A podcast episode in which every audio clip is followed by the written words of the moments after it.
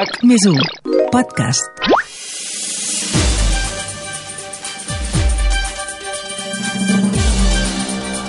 RAC més 1 us ofereix 14F amb Adrià Santa Susagna, la guia pràctica per les eleccions del 14 de febrer amb el suport de la Generalitat de Catalunya. Hola, què tal? Com esteu? No hi ha pràcticament cap dia que no veiem alguna enquesta en algun lloc. Li ha agradat el servei que li ha ofert l'atenció al client? Sí o no? Es vendria Griezmann i Dembélé? Sí o no? Creu que s'hauria de prohibir el trànsit als vehicles contaminants dins de Barcelona? Sí o no? Votaria per la independència de Catalunya? Sí o no? D'enquestes n'hi ha de molts tipus, però en aquests moments no parem de veure'n dels possibles resultats de les eleccions. Algunes que diuen que guanya Esquerra, d'altres que diuen que guanya el PSC i algunes que ni uns ni altres, tu, que serà Junts per Catalunya. I segur que si preguntem a cada partit per separat, tots tenen alguna enquesta que el situa al capdavant. Avui parlarem d'enquestes, ja us ho podeu imaginar. Més enllà dels resultats, parlarem de com es fan, de quines són les mostres, de si realment s'han de fer, de com s'escull a qui trucar i a qui no. I descobrirem això tan interessant que és la cuina, els xefs de la demoscòpia, els Ferrans Adrià, que acaben decidint si el pastís és de color vermell, de color groc, de color blau o del color que sigui. Ho descobrim ara aquí, a 14F. I per parlar d'aquest món de les enquestes volem tornar a saludar Antoni Rodon, professor de Ciència Política de la Universitat Pompeu Fabra i investigador de la London School of Economics, que en un altre episodi de 14F ja ens va posar llum i taquígrafs a la llei d'on i a la llei electoral. Toni, què tal, com estem? Hola, què tal, com esteu? Bé, per començar a entendre això de les enquestes, pregunta molt bàsica d'ABC, de, gairebé de Barri Sèsam. Què és una enquesta electoral?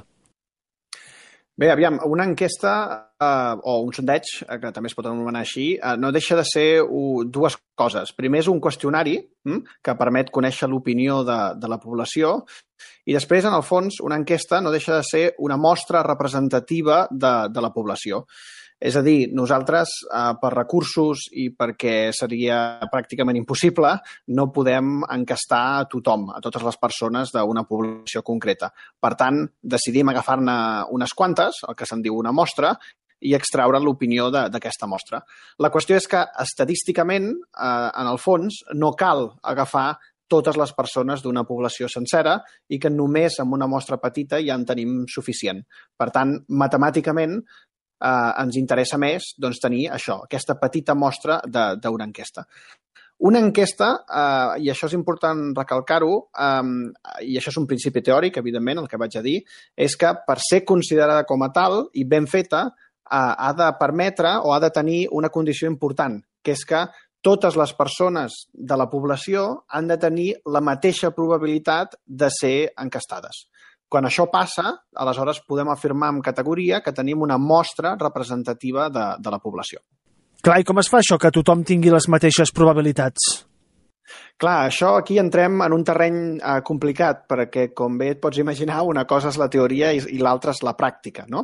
En principi, en un món ideal, què tindríem? Doncs eh, els nostres eh, els oients es poden imaginar eh, un, un Excel gegant no? amb totes les persones que viuen a Catalunya amb dret a vot i eh, generem doncs, una columna amb un número aleatori i agafem només les que ens toca, per exemple. Mm? Això seria el món ideal. El que passa és que això tot plegat eh, és més complicat, perquè molt sovint no tenim aquesta situació. I hi ha vegades que hi ha poblacions que no tenen la mateixa probabilitat de ser encastada. Hm? Per exemple, un clàssic és eh, la manera en com es fa l'enquesta. Eh, fa uns anys, els encastadors es van trobar amb un problema, fa uns quants anys, parlo, perquè només tenien telèfons fixos. I aleshores, amb el sorgiment del mòbil, estaven deixant fora a molta gent doncs, que ja no tenia telèfons fixos. Per tant, eh, ja es trencava aquesta idea de que, hi havia, que tothom havia de tenir la mateixa probabilitat de ser encastada. I deixaves, eh, seguint l'exemple, fora de l'enquesta a gent amb telèfons mòbils que, a més a més, era més jove de, de mitjana. Aquest tipus de viatge que acabo de dir, eh, avui en dia ja existeix poc o gairebé no existeix, però sí que podem imaginar altres tipus de problemes eh, de, de que hi hagi gent que no pugui entrar en una enquesta. Per exemple, si faig una enquesta porta a porta, eh, però vull acostar-me a un grup de població que es treballa molt, eh, que no, no està mai a casa, eh, aleshores doncs, aquesta gent ja no s'inclourà a, a l'enquesta. Mm? Per tant, en el fons, eh, la idea teòrica eh, aquesta que mencionava, que tothom ha de tenir la mateixa probabilitat de ser encastada, quan la portes a la pràctica eh, poden sortir moltes coses dolentes o pot anar tot malament eh, i fer que, ens, que, que hi hagi molta gent doncs, que sistemàticament no s'inclogui en la mostra que nosaltres volem fer. D'enquestes eh, n'hem vist de molts colors, però molta gent no sap com es fan aquests sondejos. Pregunto això, com es fan i com es trien les persones a qui es truca i a quines no? Um, aquí depèn, hi ha diferents models. En general, uh, les empreses que fan enquestes tenen un llistat de persones uh, amb els seus contactes, el seu telèfon mòbil, el seu telèfon fix, el seu correu electrònic a vegades, si l'enquesta és online, i el que fan és una selecció aleatòria. Uh, una mica el que deia abans. Imagineu-vos que fem una enquesta aquesta per la ciutat de Barcelona, idealment has de tenir noms i cognoms i un contacte o el carrer de, de totes aquestes persones i seleccionar-les unes quantes aleatòriament. Clar, això no sempre és possible, perquè no sempre tenim una llista amb noms i cognoms i amb el telèfon i, i amb el correu electrònic per una qüestió òbvia de privacitat. Aleshores, el que s'acaba fent és eh, acabar, eh, és entrevistar o encastar gent eh, a partir de, de perfils o seguint alguns criteris concrets. Per exemple, doncs, seleccionar uns municipis concrets, hm, imaginem nos els municipis de Catalunya, doncs fem primer una mostra de, tot, de municipis de Catalunya, anem en aquells municipis que ens ha tocat i un cop estiguem en aquells municipis que ens ha tocat, doncs fem una mostra aleatòria de carrers i de zones. Mm? I en aquelles zones doncs anem a buscar, per exemple, un 100 persones, de les quals 50 són dones i 50 són homes. Mm? Això seria un exemple. Hi ha molts mètodes, mm? però tot una mica eh, eh sempre els dissenyadors d'enquestes eh, estan doncs, eh, a vegades afectats o tenen el problema doncs, que no sempre tenen la informació primària que els permet fer aquesta mostra representativa de la població. És important la mostra? És a dir, serà millor una enquesta que es faci a 1.500 persones que una que tingui 800? Uh, sí i no. És a dir, la mostra de l'enquesta és, és important perquè uh, doncs, el que permet és que com més enquestes tens, el que es diu el marge d'error de, de l'enquesta eh, disminueix. Mm? Per exemple, eh, nosaltres eh, ens agradaria en un món ideal no tenir un marge d'error, mm? però clar, per no tenir un marge d'error, el que nosaltres necessitem és una mica el que deia abans, entrevistar a tot el món, mm? a tota la població que nosaltres eh, volem eh, conèixer l'opinió, per exemple, tota la població de Catalunya. Mm? Com que això no ho podem fer, fem una mostra. I aleshores la conclusió que extrem d'aquesta mostra es generalitza tota la població, però sempre hi haurà un petit marge d'error. Mm? Per exemple, si jo només faig 100 enquestes, el marge d'error de, de la mostra és de, de 14 punts. Mm? Per tant, eh, és molt elevat, perquè si jo dic una afirmació a partir d'aquesta enquesta, el valor real està o 14 punts amunt o 14 punts avall. Per tant, la conclusió que en podem extreure és molt limitada. Mm? Per tant, necessitem encastar a, gent, a, a més gent. En general, però, arriba un moment, eh, per això deia que és bo i, és, i, i no tant alhora, perquè arriba un moment que entrevistar molta més gent eh, no obtens un marge d'error molt, molt, molt, molt més petit. Mm? Per exemple, a partir de 800 a 800.000 persones, eh, el marge d'error doncs, ja se situa a 4. Per tant, això segueix una estructura que, si em permeteu el, el tecnicisme, segueix un, eh, és una estructura logarítmica. Més, en, més enquestes doncs, redueixen el marge d'error, però no el redueixen tant com el que hom esperaria pel nombre d'enquestes que, que estem fent. Això en primer lloc, això seria el tecnicisme. Però després també hi ha un altre punt important que és on fem aquestes enquestes. Per exemple, si jo faig enquestes a tot Catalunya i agafo 1.000 persones, el marge d'error és per tot Catalunya. Mm? El que passa és que aquestes mil enquestes estaran distribuïdes de forma diferent en les quatre districtes. Per tant, el marge d'error per tot Catalunya pot ser un, per exemple, en el cas de 1.100 enquestes seria 4, però eh, en el cas de Lleida, Tarragona, Girona i Barcelona no tenim 1.000 enquestes. Per tant, el marge d'error augmenta. I això és important diferenciar-ho. Per què? Perquè a vegades quan ens veiem els resultats electorals als mitjans de comunicació eh, en, en base a enquestes, són estimacions fetes en base al global i no pels diferents districtes on el marge d'error és molt més elevat. Clar, cada setmana surten enquestes de mitjans, eh, enquestes que fan partits, governs... Ens les hem de creure, les enquestes? Eh, realment les hem de tenir en compte?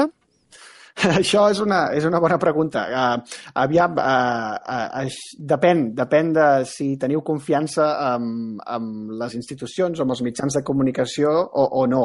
Uh, per què? Perquè això, en el fons, és com preguntar si uh, puges a un edifici si tens confiança que l'edifici caurà o no. Home, depèn. Si l'edifici està ben construït, aleshores la confiança serà alta. Si creus que l'edifici està mal construït, aleshores jo patiries una miqueta més. I en el fons les enquestes passa una mica el mateix. La meva recomanació eh, pels oients és que a l'hora de confiar en una enquesta o no, primer pensi en diferents coses. Primer, en qui la paga. Mm? Hi ha moltes enquestes que no es fan tant per conèixer l'opinió de la gent, sinó per influir en l'opinió pública. Després, eh, amb un altre element de, que pot eh, derivar amb més o menys confiança és la fitxa tècnica eh, moltes vegades aquestes enquestes van inclo eh, hi ha una fitxa tècnica inclosa en el que es pot mirar la, dimensió de la mostra o en quin període s'ha fet. Mm? Si la dimensió de la mostra és adequada i s'ha fet amb unes bones tècniques, aleshores, en principi, la confiança que hi hauríem de tenir és més elevada. Per tant, la resposta no és tan fàcil. En principi, eh, si una enquesta està ben feta i segueix tots els paràmetres, hi hauríem de confiar. Ara bé, Aquí hi ha quelcom important a destacar, que és que una enquesta és una fotografia en un moment concret. Eh, si l'encerta o no en el futur, això dependrà de, no només de que l'enquesta estigui ben feta, sinó, evidentment, de les coses que passin entre l'enquesta i el futur que nosaltres volem predir. Parlaves d'una cosa molt interessant, eh, que és que hem de tenir en compte qui paga l'entrevista. Si la paga un partit que entenc que està clar que, que el que voldrà és que l'enquesta el benefici, que l'enquesta estarà cuinada, com en diem en, en, en l'argot polític, però en el cas de les enquestes que fan els governs, ja sigui la Generalitat amb el CEO o el govern espanyol amb el CIS, aquestes sí que ens les hem de creure, perquè, d'acord, és un govern, però cada govern, darrere del govern també hi ha un partit. Sí, efectivament, això és, una, això és una bona pregunta i una mica a vegades depèn dels governs però també de les persones que, que hi treballen. Mm? Per exemple, en el cas del CEO, eh, en els últims anys doncs, ha estat una institució que ha estat eh, més aviat despolititzada i, per tant, les seves enquestes eh, tenen una, un grau de confiança més elevada. En el cas del CIS també era així, el que passa que als últims anys eh, s'ha produït una politització més important i, per tant, la confiança en les seves enquestes eh, ha baixat una, una miqueta. Mm? Per tant, de nou, la confiança en les enquestes o no una mica depèn de, de, de qui ve i eh, i ens les hem a vegades de mirar amb lupa. Eh, no només és important tenir en compte qui les fa, sinó també la tendència que mostren diferents enquestes. A vegades eh, és interessant no només veure'n una, sinó una mica la tendència que mostren totes elles per acabar de fer-nos doncs, una fotografia final. I per què hi ha enquestes que es publiquen amb pocs dies de diferència però que tenen resultats tan diferents? És cosa de la cuina de l'enquesta també? Efectivament, això eh, pot passar per diferents coses. Una d'elles perquè hi ha interessos contraposats de qui les publica i després una altra mm, té a veure amb el tema de la cuina que comentaves abans. Uh, fer cuina en una enquesta no, no és dolent. Uh, bàsicament, uh, una enquesta, si volem explicar alguna cosa en termes de predicció electoral, algun tipus de cuina uh, s'ha de fer. En el fons, què és la cuina? Doncs la cuina eh, són sovint eh, Uh, com a mínim la definició més estesa del terme, són um, ponderacions matemàtiques uh, que s'apliquen a determinats partits versus amb altres. Mm? I això es fa a través de diferents mètodes, uh, però respon a una idea, que és que mm, molt sovint l'enquesta, allò que obtenim, pel que sabem, no s'acaba d'ajustar en el món real. I passa per molts motius. Un d'ells, per exemple, és perquè no hem aconseguit arribar a tota la població que volíem entrevistar.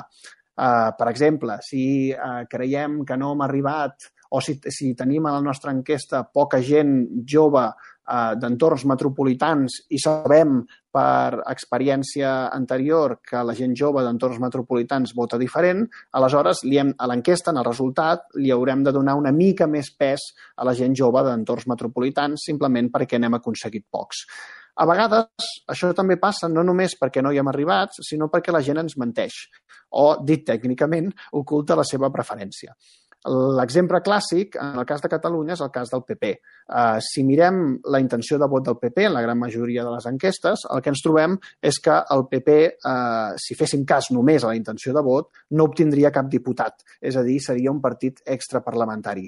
El que passa que, com bé sabem per la història electoral de Catalunya, això no és així i, per tant, en l'enquesta li haurem de donar una mica més de pes als votants del PP que apareguin.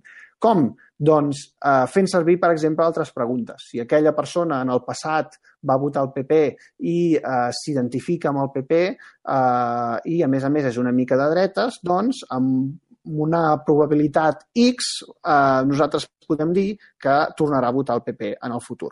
Com podeu veure, això són supòsits que eh, la cuina fa i que, per tant, aquests supòsits poden canviar. El mateix passa amb altres qüestions com la participació. Hi ha molts, molta gent ens diu que participarà en les enquestes, molta més de les que acaben participant, i eh, una mica esbrinar quanta gent participarà és feina de la cuina. Per tant, enquestes publicades al mateix moment eh, que donen resultats diferents, eh, fins i tot si les enquestes estan ben fetes, doncs es poden produir per una explicació fàcil, que és que la cuina, les ponderacions que s'han aplicat són diferents. Ja per acabar, dues últimes preguntes. Té sentit que l'última setmana de campanya no es puguin publicar enquestes? I la segona, si és important que se'n facin i que surtin aquestes enquestes? Bé, per, pels que, si et sembla, començo per la segona, perquè pel que ens dediquem a analitzar les enquestes, sí, sí que és important que, que es facin, però més enllà de, de la brometa, eh, les enquestes eh, eh, són importants perquè, eh, més enllà de la qüestió electoral, permeten doncs, eh, fer recerca sobre diferents temes molt, molt importants en ciències socials, en diferents àmbits, i, de fet, moltes de les polítiques públiques que es fan eh, molt sovint es milloren eh, gràcies a la informació que s'obtenen de, de, de les enquestes.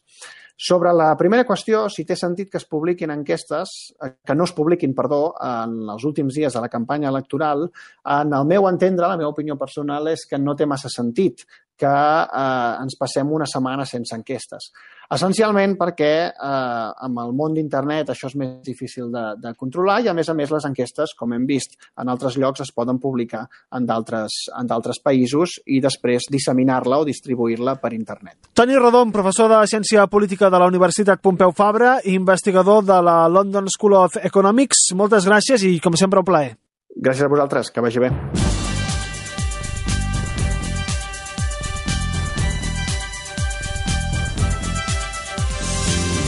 Doncs així funcionen les enquestes i aquests són els efectes que produeixen. És evident que en molts casos doncs, sí que hi ha cert interès darrere d'una enquesta. I el proper episodi serà doble. Conversarem amb el màxim responsable d'aquestes eleccions, el conseller d'Exteriors i encarregat del procés electoral, Bernat Soler. Seran un doble episodi i parlarem amb ell d'una banda de totes les mesures de seguretat que hi haurà pel 14F, tant als col·legis, pels votants, com pels membres de les meses, i un segon episodi en què explicarem fil per randa com votar, les franges, els horaris, els certificats, tot el que necessiteu saber per votar amb seguretat. Com sempre, gràcies i salut.